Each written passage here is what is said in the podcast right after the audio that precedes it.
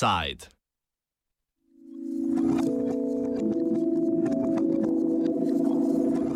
Vse o češkem papirju.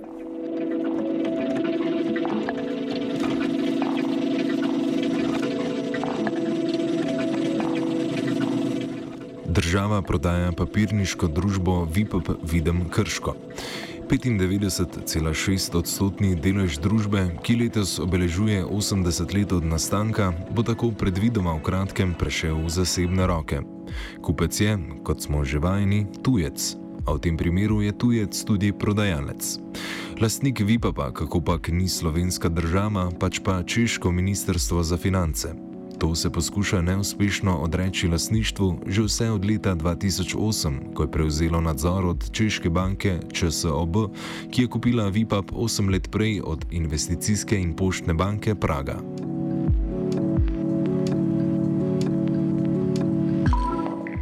Portal Sijol, ki danes poroča o podrobnostih posla, pojasnjuje, da je bojda k prihodu Čehov v Krško leta 1998 prispevalo prijateljstvo med tedanjim predsednikom Slovenije Milanom Kučanom in predsednikom Češke Václavom Havlom.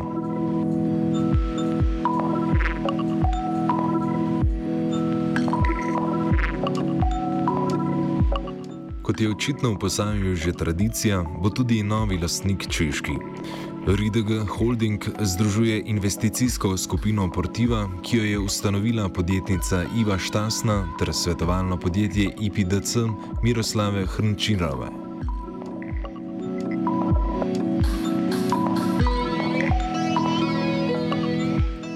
Vipap, ki je v 70-ih letih imel okoli 4000 delavcev, se je v minulem desetletju spopadal s hudimi finančnimi težavami in trenutno zaposluje le 380 ljudi. Finančni zgledi posavske tovarne so se sicer od leta 2017 nekoliko izboljšali. Letno proizvede okoli 200 tisoč ton papirja in je ena izmed šestih slovenskih papirnic. Ostale so Goričane tovarna papirja Medvode, Količevo karton, Paloma, Radeče papir Nova in papirnica Velče. Petra, Petra Prebil Bašin, direktorica Združenja papirne in papirno predelovalne, predelovalne industrije, ki deluje pod okriljem Gospodarske zbornice Slovenije, predstavi značilnosti šestih slovenskih papirnic, ki zaposlujejo okoli 2000 ljudi. Problemi so zelo različni, vezani so pač na splošno kondicijo podjetja uh, in seveda tudi na lasnike, ki so v zadju. Um, je pa recimo značilnost leta 2018 bila rekordno visoka cena celuloze, ki je praktično za vse pomenila ogromno breme. Sicer pa pač uh, imamo v Sloveniji šest papirnic, kar je na število prebivalcev v bistvu zelo veliko, glede na evropsko poprečeno. Tako da um, so pa ta podjetja tudi zelo izvozno usmerjena, kar pomeni, da več kot 96% papirja se proda v izvoz. To pomeni, da vsekakor so konkurenčni, če pa če vedno obstajajo in dobro delajo. Ne? So pa prisotna tudi na izjemno različnih končnih trgih, uh, ker vsaka od šestih papirnic proizvaja drugo vrsto papirja kot končni produkt. Mateja Mešl, direktorica Ljubljanskega inštituta za celulozo in papir, oceni stanje papirniške industrije v Sloveniji in izpostavi njene težave.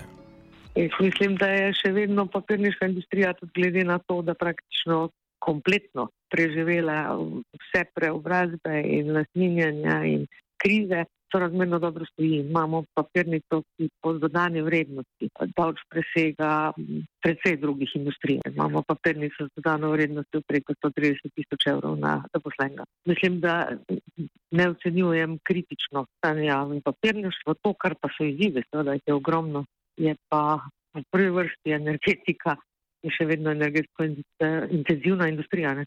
Eh, seveda je energetsko intenzivna panoga, s tem, da so vse papirnice ogromno vlagale in imajo praktično samo skrbo eh, oziroma zaprte kroge energetske in ogromno uporabljajo energijo iz lastne proizvodne, se pravi na obnovljivih verih. Ampak še vedno eh, je, so dajatve in pa cena energije tiste, ki predstavljajo največji izziv vsem v strukturi. To se samo povečuje Poleg stroška energijske porabe pa je papirna industrija v Sloveniji močno odvisna od svetovne cene surovin.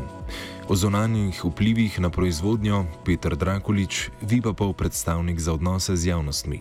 Mi sicer večino naše proizvode so reciklirani papirji, se pravi, mi, mi dejansko odkupujemo star papir, odpadni papir, ga predelamo in potem iz tega naredimo nov papir. Ne? Tako da je v bistvu res, da uporabljamo tudi manjši dele sicer celuloze, te klasične celuloze po kemičnem postopku pridobljene, ampak to pri manjši, bom rekel, manjšem, uh, pri manjši paleti naših proizvodov. Ne? Tako da cena celuloze, ja, definitivno tudi lahko vpliva, potem lahko vpliva cena odpadnega papirja. Ne?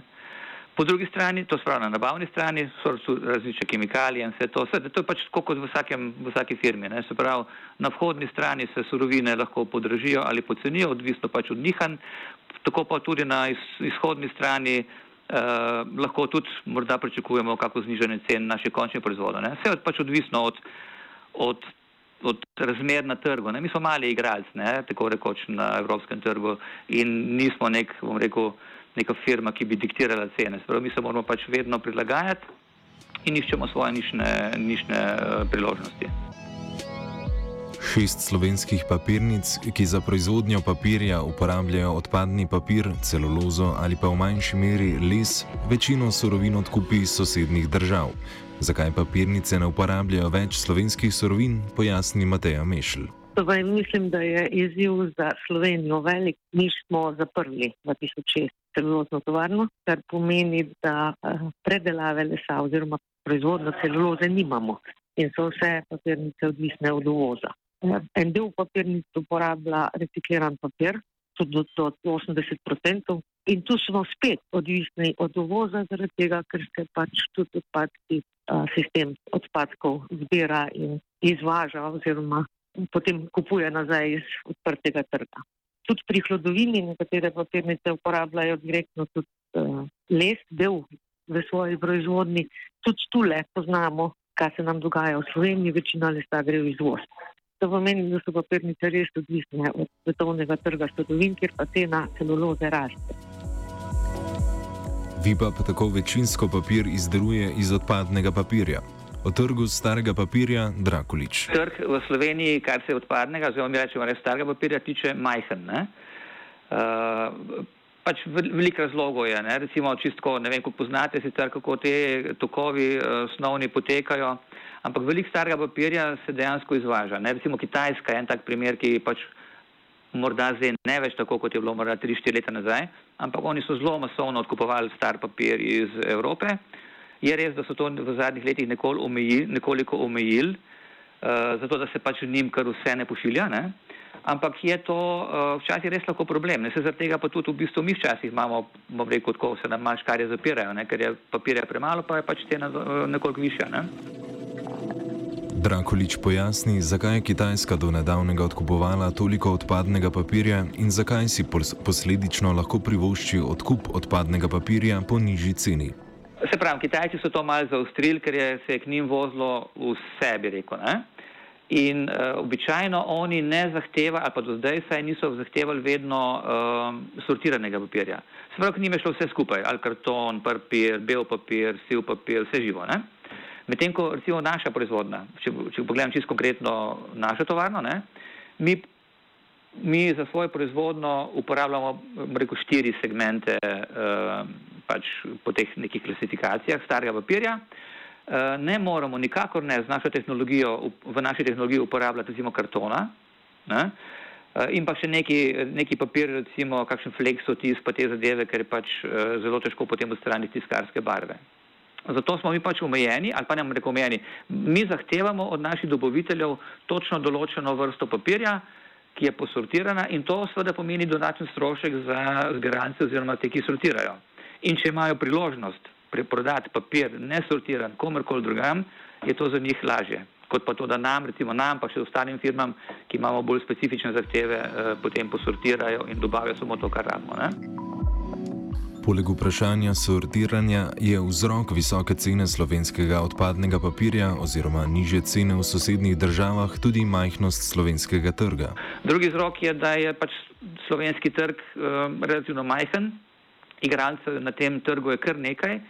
In uh, um, tudi zbiranje pa to, čeprav bom rekel, se to izboljšuje, še vedno se ne, bom rekel, ne ujame vas papir, ne, ker veliko papir je končan na deponijah ali v nekih zabojnikih, kjer se onesnaži do te mere, da ga ni več možno uh, uporabiti pri recikliranju in tako naprej. To so pač neki taki glavni vzroki, uh, zakaj uh, večinoma te papirnice v Sloveniji iščemo papir zunaj.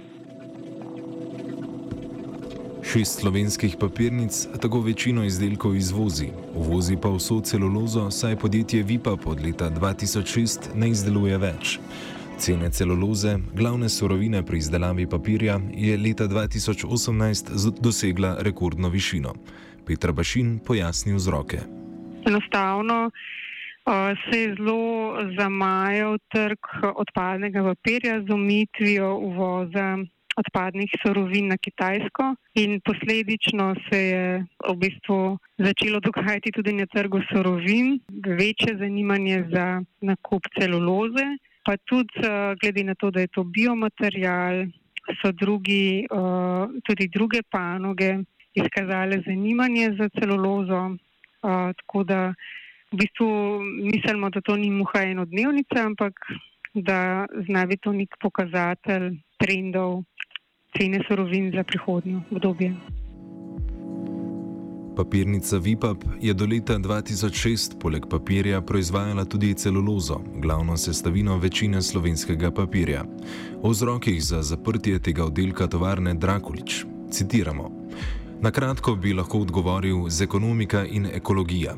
Glede na tehnično-tehnološko stanje naprav in opreme za proizvodnjo celuloze po kemičnem postopku, je bilo jasno, da bi morebitna posodobitev ali celo sprememba tehnologije zahtevala ogromno vlaganje za doseganje vedno strožjih okoljevarstvenih standardov. Takratni lastnik se je na podlagi več analiz odločil za nadaljne posodabljanje proizvodnje papirja in prehod na proizvodnjo pretežno recikliranih papirjev. Konec citata.